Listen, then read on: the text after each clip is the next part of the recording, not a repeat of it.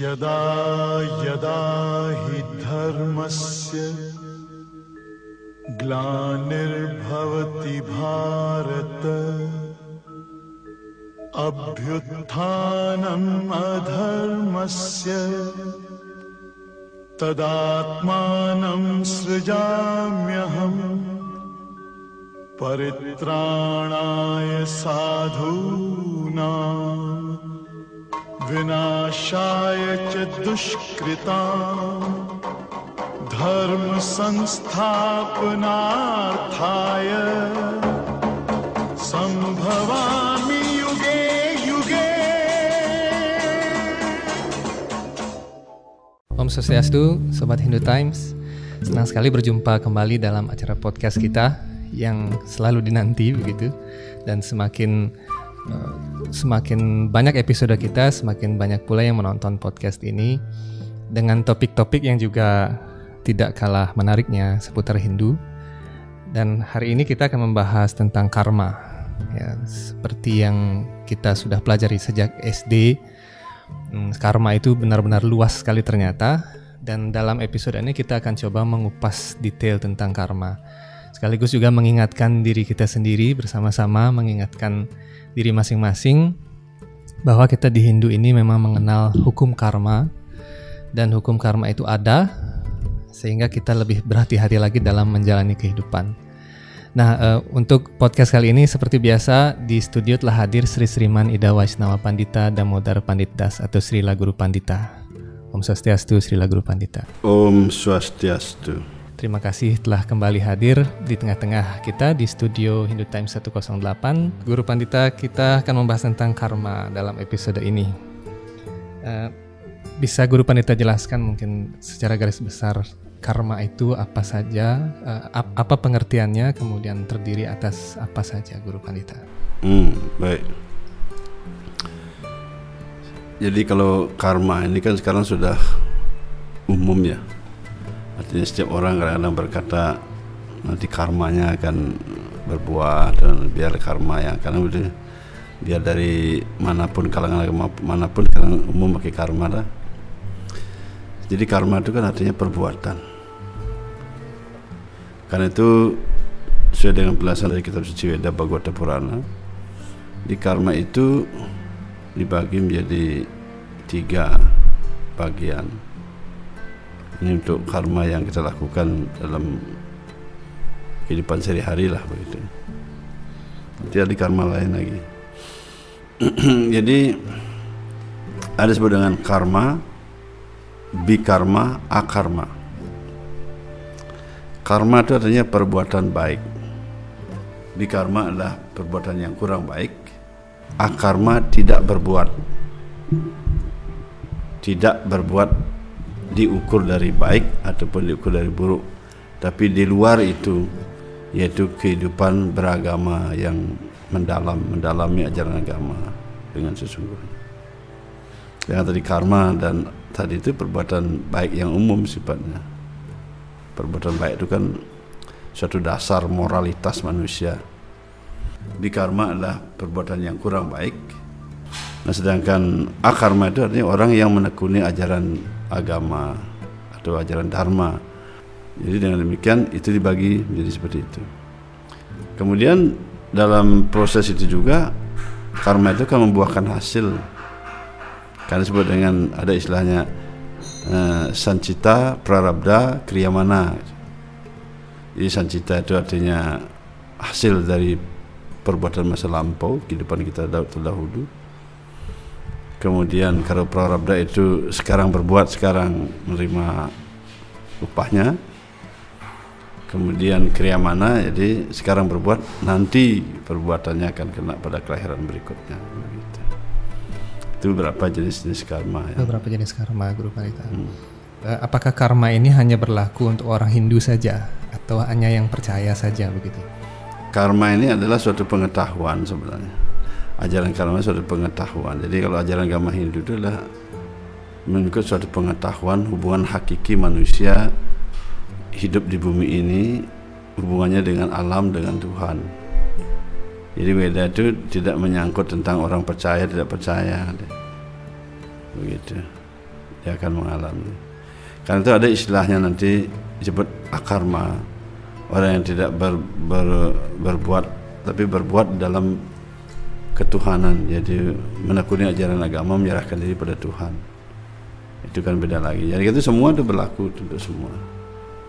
Baik dan buruk itu berlaku bagi semua orang. Semuanya baik itu dia semua orang entah agama apa, entah suku apa, entah apa. Tadi Guru Panita menjelaskan ada karma, wikarma, akarma begitu Guru Panita. Ya. Berarti orang yang tidak percaya kepada Tuhan katakanlah begitu, dia juga kena kena hukum karma ini. berarti. Pasti dia kena itu. Itu termasuk salah satu perbuatan yang tidak baik sebenarnya. Jadi kena bikarma dia kena. Kena wikarma. Orang yang tidak memiliki pengetahuan tentang ketuhanan. Ada orang yang tertutupi pengetahuannya itu istilah nastika. Bagaimana kalau seandainya dia ateis, tidak percaya kepada Tuhan, Guru Pandita, tapi dia selama hidupnya dia baik sekali, dia suka nolong orang, kemudian dia suka orang-orang miskin itu dia santuni, demikian misalnya. Ah, karma apa yang akan dia dapatkan? Itu tergolong tidak baik sebenarnya. Itu maksudnya kalau sudah tidak percaya pada Tuhan baik dengan orang lain baik semua ini semua itu termasuk tidak baik. Dan tentu diperhitungkan oleh Tuhan. Ya, Itu bi- bicaranya beda lagi tentang nanti masalah dia neraka, surga apa semua beda lagi itu nanti. Ini sekarang bicara tentang yang ada kita di bumi ini. Jadi dia termasuk bikarma, termasuk orang tidak baik. Contoh sekarang begini. Kita baik sekali dengan siapa pun kita baik. Semua orang, semua makhluk kita baik. Tapi sama orang tua kita tidak pernah kita menghiraukan kata-kata orang tua, tidak pernah hormat, apalah sama orang tua. Baik nak dia. Tapi di luar terkenal dia orang baik.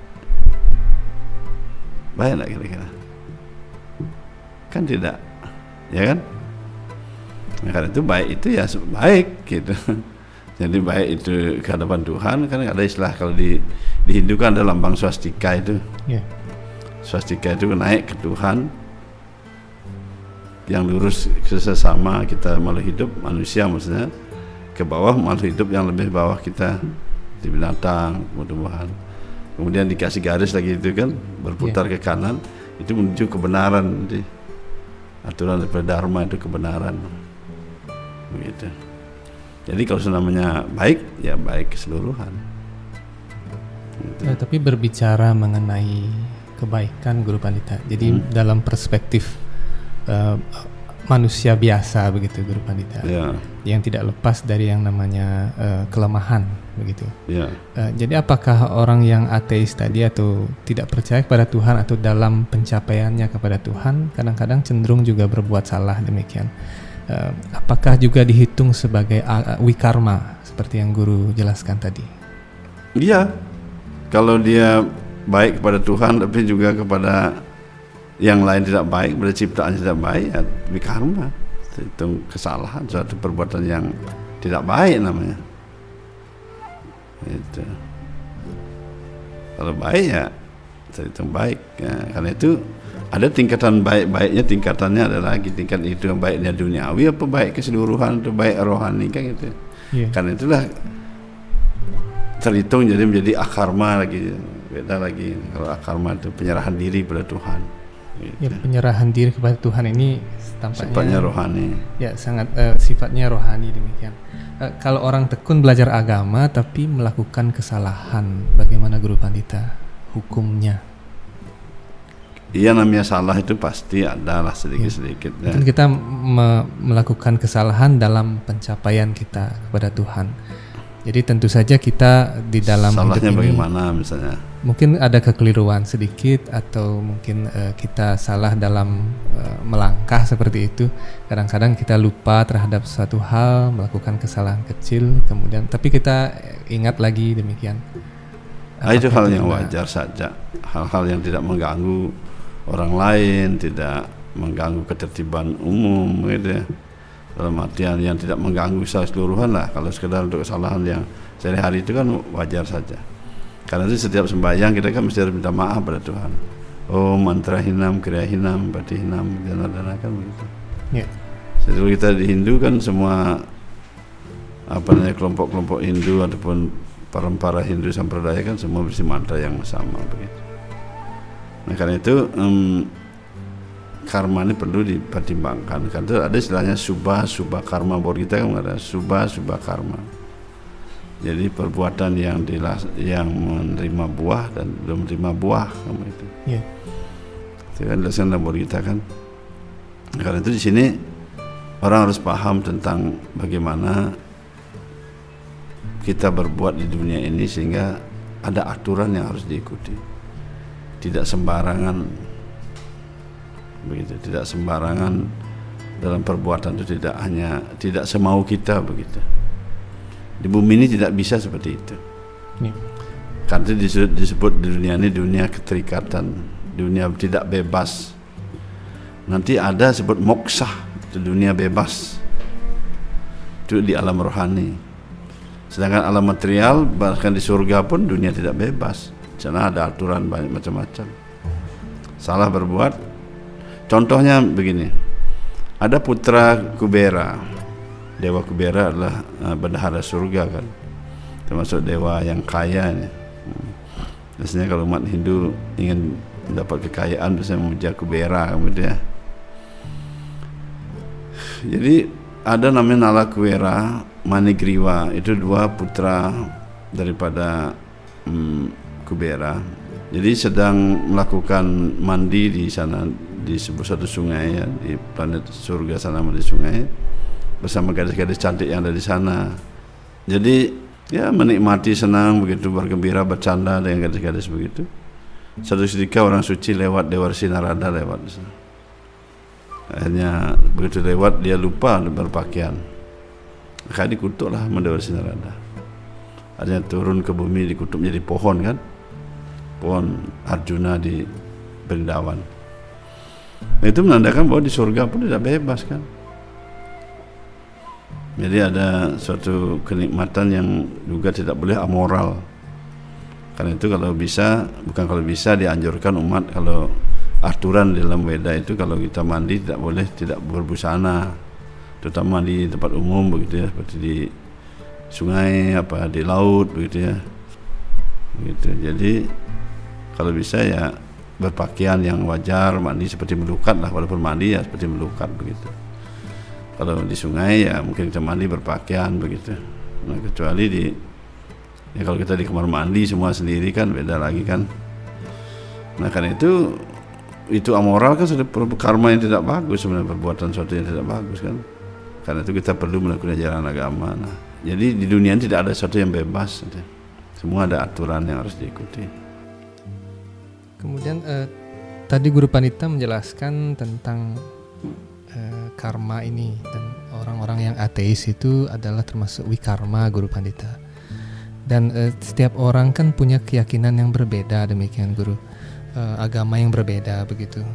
Em, tentu juga aspek-aspek Tuhan yang dipuja juga berbeda-beda demikian dan juga ajarannya berbeda. Nah, eh, sering kali kita temukan di masyarakat kita ada yang menjelek-jelekkan atau menghina keyakinan orang lain, menghina Tuhan as- aspek Tuhan yang berbeda. Apakah itu salah secara karma walaupun berbeda keyakinan Guru Pandita? ya yang namanya sudah menghina itu tidak salah baik itu menghina secara kasar menghina secara halus bahkan dalam hati kan karena kan karena itu kan ada istilahnya kita kai ke wacike mana cike kan begitu jadi kita beragama ini harus benar-benar bersih itu kai ke wacike mana cike itu. Kalau sudah menghina pasti salah. Entah keyakinan kita tidak yakin kita yakin. Kita beragama satu agama lain agama satu ajaran lain ajaran satu aliran lain aliran. Satu keyakinan lain keyakinan. Kita nggak bukan hak kita. Pokoknya di bumi ini tidak ada satu yang bebas kita harus ikuti aturan itu dengan baik yaitu tentang bagaimana berbuat yang benar itu apa pun yang kita hina itu tidak bagus kalau misalnya yang lain menghina kita guru pandita, apa yang harus kita lakukan sebagai umat eh, yang menjalankan dharma demikian? Kalau yang lain menghina, tentu yang menghina itu kan salah. Nah sekarang kita bagaimana supaya tidak bersalah? Jangan ikut menghina. Justru jadikan hinaan itu sebagai pelajaran untuk kita bisa memperbaiki diri dengan suatu sikap-sikap yang baik sehingga orang lain itu melihat suatu kebaikan sehingga mereka pun menjadi kalau bisa orang yang menghina menjadi baik kan bagus jadinya. Karena itu kalau saling hina ya tidak bagus. Tidak baik. Jangan kalau orang berbuat suatu yang karma yang anggaplah salah atau yang yang jahat begitu atau yang buruk begitu Jangan kita ikut begitu. Jika orang menghina, bawah kita mengatakan Tuhan mengatakan akulah sikap diam di antara rahasia akulah sifat diam. Jadi diam atau kita menyampaikan sesuatu yang sifatnya pengetahuan artinya memberikan suatu pengajaran baik dengan sikap dengan bicara yang santun atau dengan sikap lebih bagus dengan sikap yang baik gitu demikian dan jangan juga kita membuat sesuatu gara-gara biar kita dihina itu juga itu juga tidak baik gitu. sengaja membuat diri kita seperti dihina itu kan juga kurang baik gitu. yang sifatnya menghina tidak bagus lah begitu ya eh, terkadang kita eh, orang saling menghina guru pandita karena uh, mungkin karena Tuhan yang dipuja agak berbeda begitu atau aspek-aspek Tuhan yang agak ber, uh, dipuja agak berbeda dan kelihatan ini kok lain caranya demikian dan sebagainya. Uh, apakah penghinaan ini juga artinya uh, berimbas pada lintas keyakinan seperti itu jadinya ya Guru Pandita? Artinya lintas keyakinan. Jadi tidak hanya Hindu saja yang kena sebenarnya karma itu gitu jadi seluruh. Iya ya kalau kita menghina kemudian dia mendengarkan juga hinaan itu kena juga. Orang menghina misalnya orang yang baik dihina atau orang-orang suci ataupun Tuhan atau apa atau kitab suci dihina kita mendengarkan apalagi ikut menikmati walaupun kita diam juga suatu kesalahan. Karena dihindari jangan. Ada dalam Bogota Purana dikatakan kan pikiran jangan terkontaminasi. Jadi kita harus hindari walaupun kita mendengar sepintas tapi kita cepat kita hindarkan. Andaikan kita men, men, mencium bau yang busuk masuk baunya kan. Kalau kita nikmati terus kan tidak bagus. Begitu juga kita mendengar sesuatu itu ya ya harus dihindari, jangan saling hina itu tidak bagus. Ya kerap kerap terjadi bahwa pertengkaran itu adalah karena Tuhannya dihina begitu Guru Pandita. Jadi sikap kita adalah diam dan menghindari pergaulan seperti itu demikian. Hmm. Jadi begini, yang namanya agama, Tuhan, orang suci, kalau dihina, tentu kita harus membelanya kan. Tapi ya, membela itu juga ada aturannya kan itu membela yang paling bagus itu supaya tidak berisiko diam. Diam. Ya diam. Dan hindari. Jangan dengarkan hindari. Diam hindari. Itu bukan karena misalnya begini kita agama Hindu. Kemudian uh, ada orang agama tertentu menghina agama lain. Kita pun jangan meninggalkan. Kita harus hindari Nah, kita tidak kita bisa berbuat sesuatu, kita diam. Bukan wewenang kita juga, diam. Tentu yang berwenang ya tentu yang boleh mereka berbicara.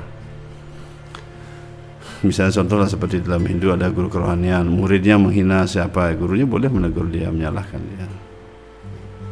Atau lembaga misalnya kan, dalam satu agama kan ada lembaga, ada majelis kan itu misalnya, boleh dia menegurnya kan.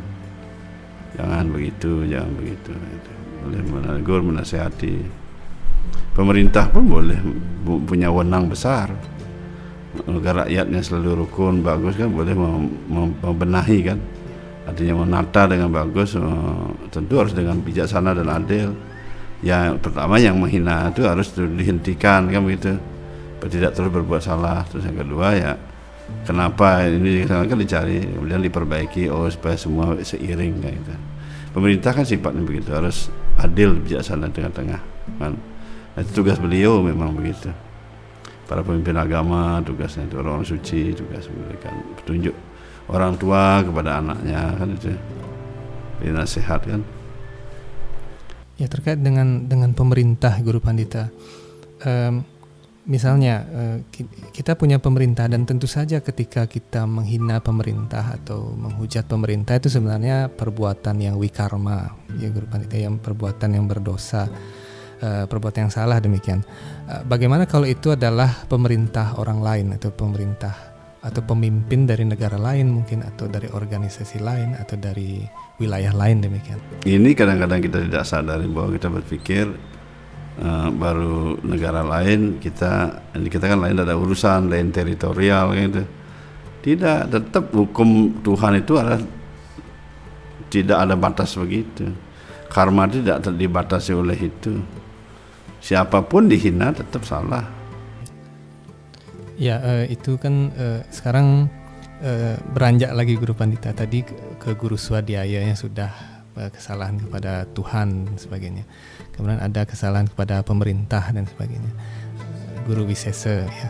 Uh, sekarang ke guru pengajian demikian. Uh, ada uh, ada guru yang di sekolah mungkin yang sering kita ketahui demikian ada juga guru yang mengajarkan pengetahuan rohani demikian sejauh mana mana yang lebih besar kesalahannya guru pandita yang kalau kita misalnya menghina guru pengajian ini yang guru guru yang uh, biasa atau yang yang secara material atau yang guru uh, secara rohani? Kalau kita tarik garis secara umum sama saja. Sama saja. Kita yang menghina sama saja. Ya tentu kalau kita lihat dari kapasitas dalam artian mereka oh ini kalau orang suci jangan tidak uh, boleh dihina. Kalau ini kalau ini kan guru biasa boleh dihina. Tidak begitu kita harus berpikir kita harus sadar bahwa uh, kita akan berhadapan dengan hukum Tuhan. Dan kita tidak bisa komunikasi kepada Tuhan secara langsung. Karena Tuhan akan menilai kebenaran itu kan? Itu kan itu agama kan sudah membatasi marilah kai ke wacike mana cike kan gitu.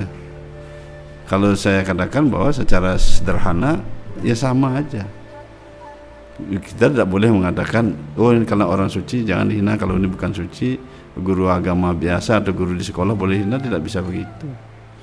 Hinaan itu harus hati-hati nanti. Menghina itu sebenarnya paling hati-hati. Karena itu akan sangat menusuk hati orang lain kan? Begitu. Jangan menghina apa pun mereka. Kalau sudah guru guru apa? Tadi pengajian guru pengajian itu artinya baik itu guru yang secara umum dari sekolah kan guru kita. Kemudian guru ada guru yang agama misalnya guru kerohanian kan. Acarya para suami kan itu nah, kemudian ada mungkin kalau agama lain apa namanya kan. Tidak boleh. Kita beragamanya benar-benar jujur menyampaikan sesuatu. Kita pun tidak boleh menipu-nipu sesuatu gitu. demi kita kepuasan kita atau kepuasan demi kita memuaskan Tuhan kita menipu sesuatu itu memuaskan diri sendiri namanya bukan memuaskan Tuhan dan Tuhan kan maha adil Tuhan kan memiliki semua yang ada di bumi ini kan milik beliau itu kita berhati-hati jadi salah sama aja mereka tidak boleh salah Bisakah kesalahan ini dimaafkan Guru Pandita? Tentu setiap kesalahan bisa dimaafkan asal kita benar-benar bertobat. Cuman kalau bersiko sekali yang masalah menghina ini untuk minta maafnya itu harus benar-benar orang yang yang kita ini itu benar-benar dia maafkan gitu. Nah tentu kalau kita menekuni ajaran agama kan ya tentu harus memaafkan orang lain lah. Seberapapun dia kalau dia yang betul-betul minta maaf mengakui kesalahannya kita harus maafkan. Tapi kan jangan mengukur oh pasti dimaafkan jangan begitu itu berbahaya begitu jadi kalau orang maafkan kalau enggak atau sebatas mana orang maafkan karena itu sebenarnya ini bibir ini akan adalah akan berguna ketika dipakai untuk memuji Tuhan karena itu kita diajarkan untuk menyucikan bibirnya dengan menyanyikan nama suci Tuhan kan. Nah bibir ini juga akan menjadi tidak bagus ketika kita gunakan untuk hal-hal yang tadi itu menghina itu. Mempermainkan, menghina. Ya. Walaupun itu bukan keyakinan kita, bukan agama kita. Deh. Bumi ini kan milik beliau semua ya. Seluruh bumi ini Tuhan yang punya kan, tempat berpijak seluruh manusia kan. Dan manusia itu di mana saja mereka bisa tinggal bersama kan. Tentu ada aturan-aturan juga setiap orang kita tinggal kan itu ya. Itu karena memang kita yang sudah membuat seperti itu, aturan itu juga dihargai. Di negara tertentu ada aturan gitu. Namun kalau menyangkut tentang hubungan ke Tuhan itu ya kan itu Undang-Undang Dasar 45 kan sudah menjelaskan menjamin kemerdekaan tiap penduduk untuk ya, beribadat sesuai dengan agama dan keyakinannya kan begitu. Itu artinya bahwa kita harus sangat menghargai itu masalah keyakinan orang lain.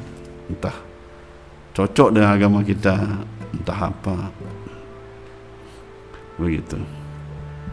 Ya jadi kalau kita andaikan begini contoh. Tadi tentang menghina itu contoh kita kan ada guru rupake ya. Guru rupake kan orang tua. Kita punya orang tua, kemudian orang tua orang lain kita hina, salah tidak? Kan salah. Ini sama juga yang lain tadi itu guru-guru yang lain juga sama begitu. Pak guru guru pake, guru swadiayu, masa juga pengajian, guru sesi kan begitu. Semua begitu. Nah karena itu menyangkut tentang itu adalah di sanalah karma itu bermain. Nah kalau kita sekarang yang baik itu bagaimana sekarang? Akarma yang paling bagus. Akarma itu kita kuni agama dengan baik. kita abdikan hidup kita pada Tuhan. Kita kuni agama dengan bagus. Seperti saya katakan lama swastika tadi. Kepada Tuhan itu baik, kepada sesama kita baik, semanusia, kepada sama makhluk hidup yang lain juga baik serasi hubungannya begitu. Pada alam baik begitu. Seperti kita di Bali kan Trihite Karana begitu kan. Itu sebaik itu sebenarnya dari ajaran Weda Trihite Karana itu kan. Tiga kebah itu bahasa Sanskerta kan nah, kan itu jangan teori saja mari kita sama-sama menerapkan. Dan tentu kita semua punya kekurangan kelemahan kan? Nah karena itu seperti dijelaskan dalam Bolita bab 6 ayat 37 sampai 44 sana kan dijelaskan Arjuna bertanya Bagaimana seandainya sekarang kalau kita menekuni ajaran agama ini kita berbuat salah? Artinya mengalami kejatuhan. Kejatuhan itu karena perbuatan kita menikmati kekayaan menikmati wanita bukan masalah hina menghina nah, ini masalah menikmati kita kaya kita terlena menikmati kenikmatan indria misalnya begitu bersama ya walaupun sama istri kan. Kita menikmati penuh begitu kan. Uh, karena kalau di Hindu kan ada aturan bahkan di kalender itu kan ada oh ini berhubungan sama istri uh, hari apa gitu kan bisa contoh anggaplah kita overdosis lah kita selalu menikmati terus begitu. Sampai lupa dan kewajiban kita beragama kan? Menekuni ajaran agama. Jadi agama ini kan ada catur yoga itu atau catur marga itu. Itulah wujud keagamaan secara khusus diterapkan kalau kita menekuni ada bakti yoga khusus ada karma yoga itu giana yoga dana yoga itu semua sudah ada aturan khusus khusus orang terapkan yang mana suka mereka secara khusus di tempat yang khusus kalau yang umum kita kan sudah ada secara bersama-sama kita bertemu bersembahyang di tempat sembahyang seperti di pura kalau di sini kan kalau di India ya mandir namanya begitu kan Sedangkan kalau asram-asram itu tempat belajar menerapkan tadi. Tentu di sana juga ada beras sembahyang, ada juga menerapkan ajaran itu. Misalnya kalau misalnya Raja Yoga, asram Raja Yoga misalnya menerapkan bagaimana belajar yoga asana kan. Ada sembahyangnya juga kan itu. Demikian juga Bhakti Yoga ada di sana kan. Uh, Nawa Wida Bakti itu kan belajar bakti terapkan. Nah, jadi kita artinya menekuni ajaran agama tapi ya kalau kita menerapkan secara umum juga seperti kita hanya sembahyang hanya membakti biasa itu juga tidak salah jadi dalam tahap-tahap seperti itu kan semua ada penilaian dari Tuhan. Artinya kita sudahlah mengikuti ajaran agama itu kan. Sejauh mana kita menyerahkan diri kan tentu proses perjalanan untuk mencapai yang lebih tinggi moksa tadi jadi karena moksa itu ya jurusan ini ditekuni. Nah ketika dia menekuni tadi yoga itu seperti dijelaskan Bodhita bab 6 tadi dia mengalami kejatuhan apa begitu. Seperti contohnya Ajamila begitu cerita Ajamila kan Eh, dia akan nanti melanjutkan dalam kehidupan nanti. Dia tidak ada istilahnya dalam Weda itu atau dalam agama Hindu itu tidak ada istilahnya orang eh, gagal total hukuman abadi tidak ada begitu. Tetap ada dia diberikan kesempatan dalam kehidupan nanti. Orang yang tadi menekuni ajaran agama itu akan akan, akan menikmati nanti dalam kehidupan nanti lahir di keluarga-keluarga yang lebih bagus keluarga yang rohani keluarga yang kaya begitu. Jadi meningkatlah. Benar sudah rohani lebih matang lagi bahkan dia akan mudah sekali nanti mengerti ajaran agama. Karena itu kalau kita lihat kan ada orang kok gampang kali dia ngerti ikut.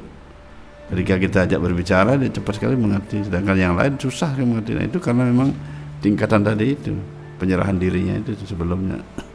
Kalau sama sekali tidak menyerahkan diri pada Tuhan ya tidak ngerti nanti apa-apa agama itu tidak ngerti karena itu ada istilahnya itu seradanya itu tertutup kemudian kuncup kemudian kembang seperti bunga itu. Begitu. Jadi dengan demikian seperti sana dikatakan tanpa dia berusaha keras nah, dalam Borita jelaskan tanpa berusaha keras tanpa diusaha terlalu keras pun dia akan cepat mengerti. Kita lihatlah di masyarakat kan orang mudah.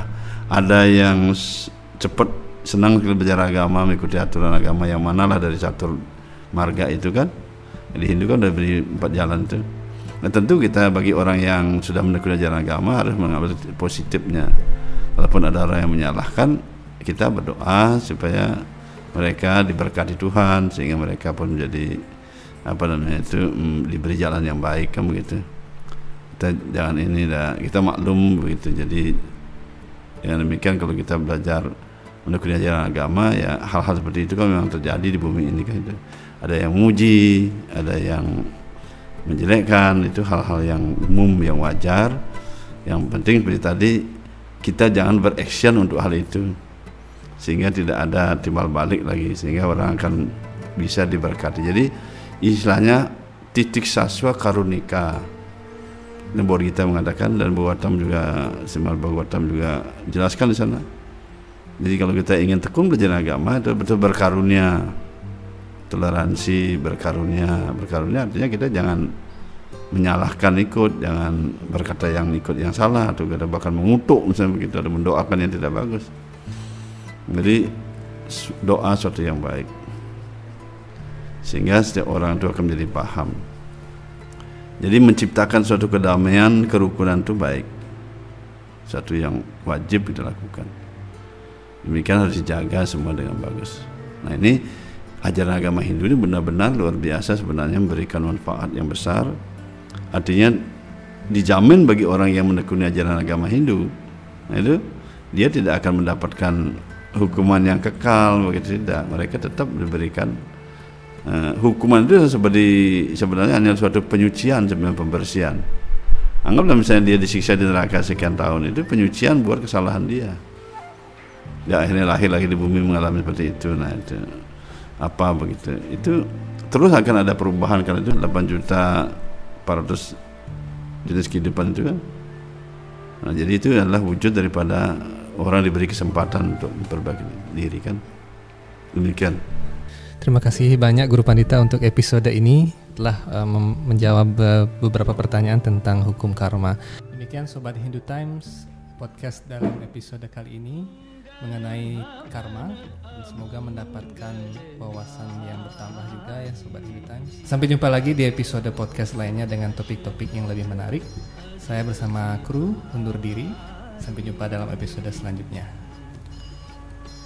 Om Santi Santi Santi Om